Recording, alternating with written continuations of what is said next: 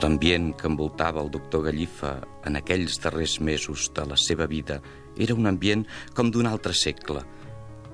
I era, en veritat, reposador trobar-se en aquell racó de la Riera del Pi, on un podia creure's en el segle XVIII. Això a quatre passes de la Rambla, al cor de la ciutat febrosa.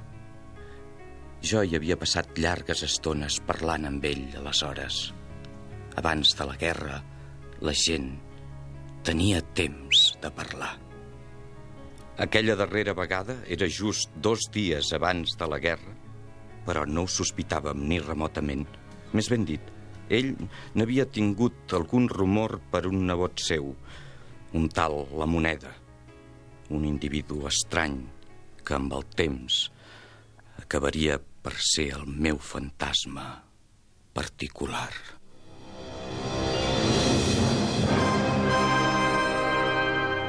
Catalunya Ràdio presenta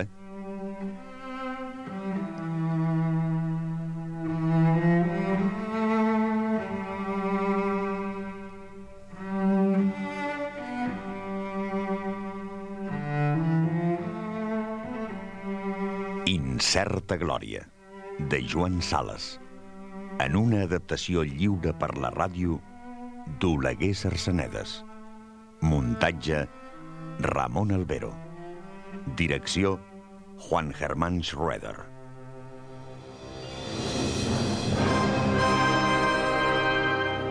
Incerta Glòria, de Joan Sales. Una producció de Catalunya Ràdio amb el suport del Departament de Cultura de la Generalitat de Catalunya. Extra, 15 artistes catalans al Palau Robert de Barcelona. Sergi Aguilar, Jordi Benito, Josep Manuel Broto, Tom Carr, Pep Duran Esteve, Gabriel, Francesc Llopis, Víctor Mira, Pere Noguera, Carles Pazos, Pere Jaume, Jaume Plensa, Riera i Aragó, Susanna Solano i Josep Uclés. Extra, 15 propostes artístiques d'intervenció en un espai. Palau Robert de Barcelona, del 22 d'abril al 24 de maig. Organitzat pel Departament de Cultura de la Generalitat de Catalunya amb el suport de Catalunya Ràdio. Catalunya. Endavant amb la cultura. Capítol 47. Un tal la moneda.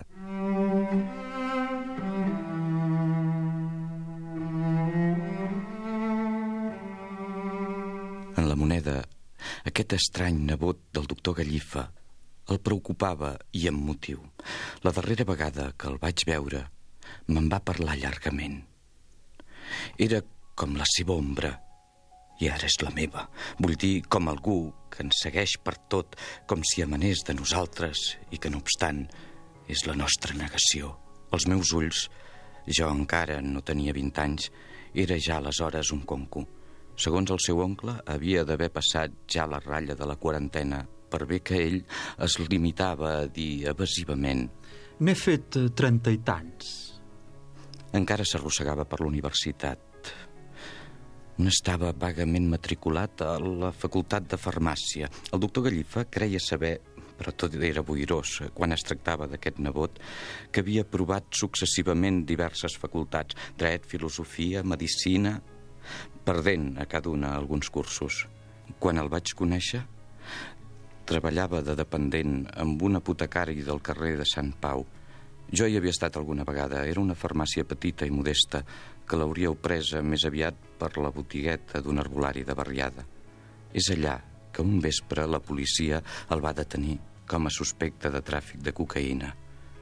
No se li va poder provar que n'hagués venut sense recepta i al capdavall el van deixar anar. Però l'apotecari no el va voler més de dependent. Ell sempre ens va voler fer creure en la seva innocència. Sempre ens va dir que havia estat víctima d'un malentès. I el seu oncle el creia. O ho feia veure. Jo, en canvi, sempre he cregut que la policia no s'equivocava. És més, havia sospitat més d'una vegada que el mateix la moneda era donat a la cocaïna. A temporades tenia diners a dojo, que mai no vaig acabar d'entendre de on podia treure, encara que generalment la ballava més aviat magra, sobretot d'ençà que l'havien despatxat d'aquella farmàcia del carrer de Sant Pau.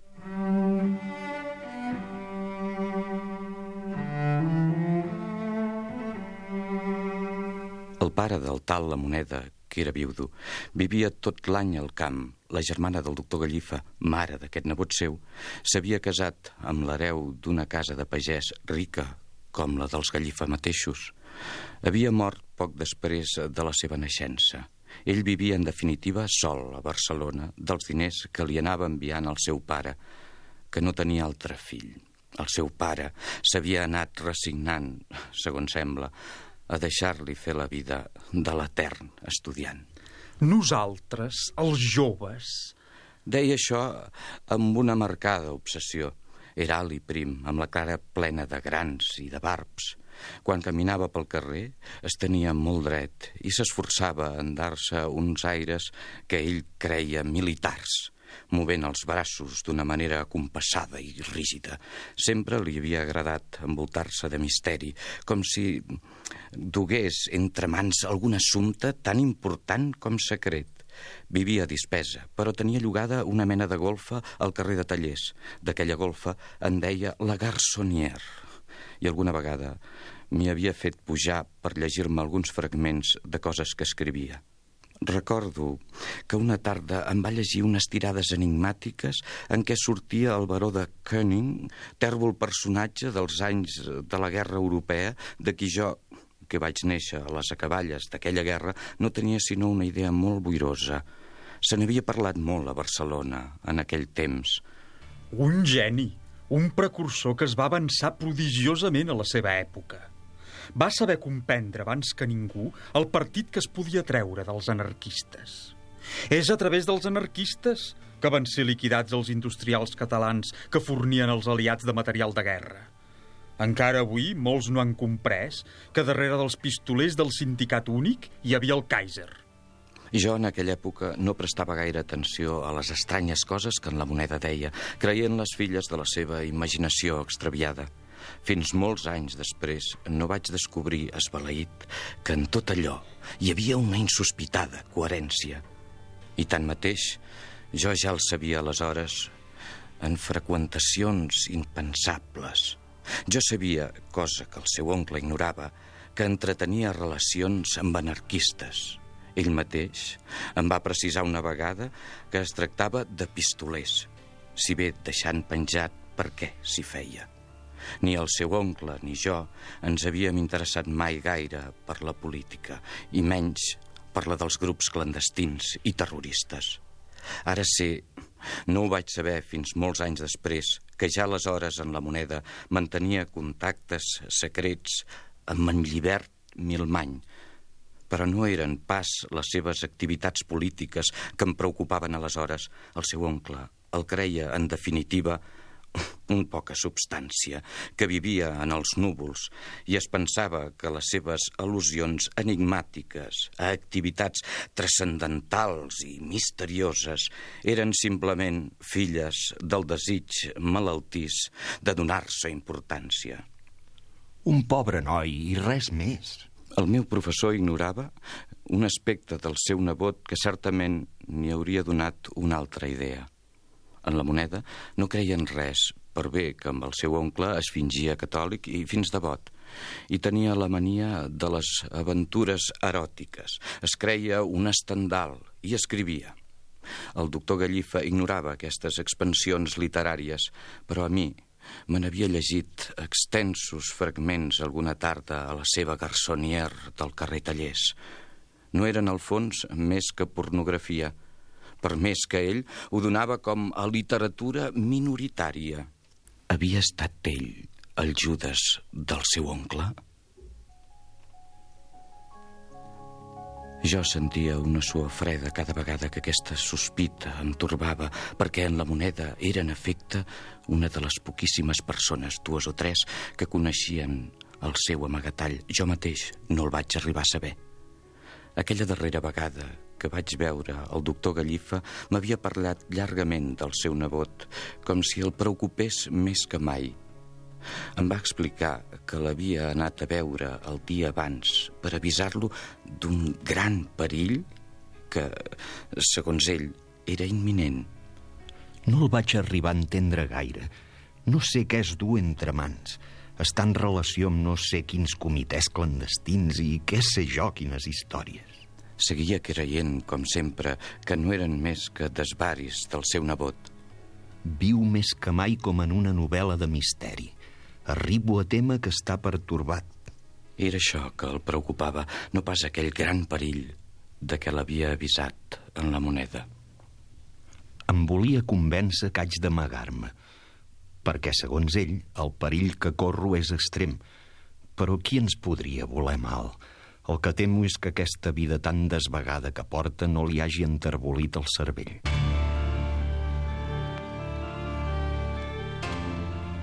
Una setmana no havia passat quan vaig reconèixer en la moneda entre els incendiaris d'una església al barri de Sant Gervasi.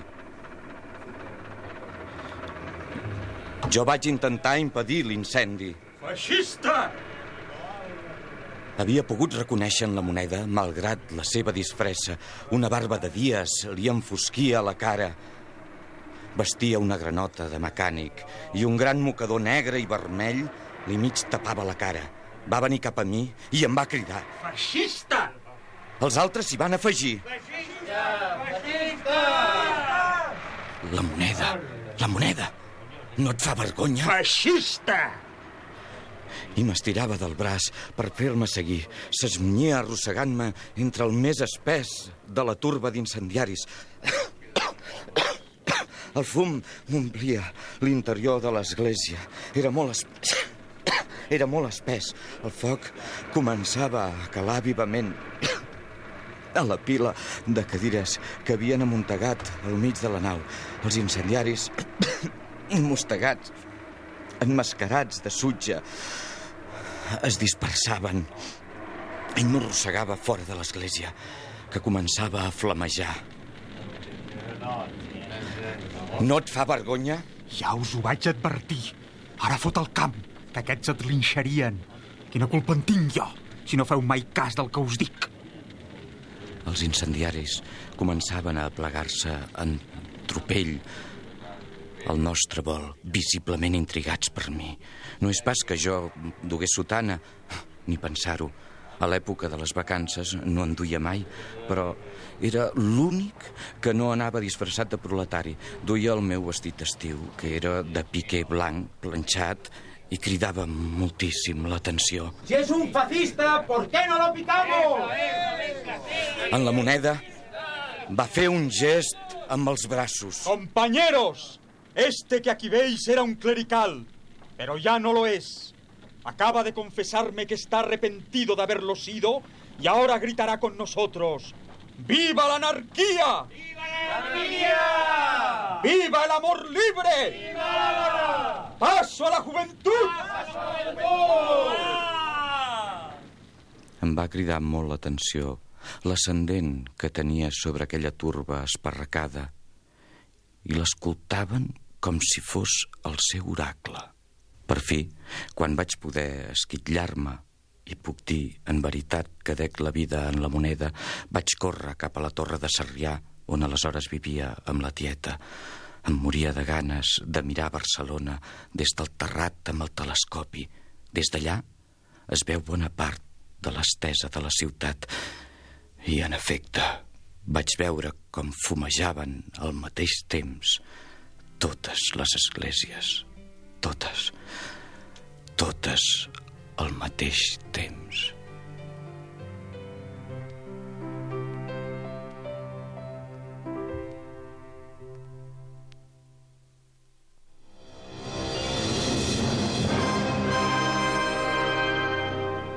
Heu escoltat el capítol 47 d'Incerta Glòria, de Joan Sales, amb les veus de... Cruells, Enric Major.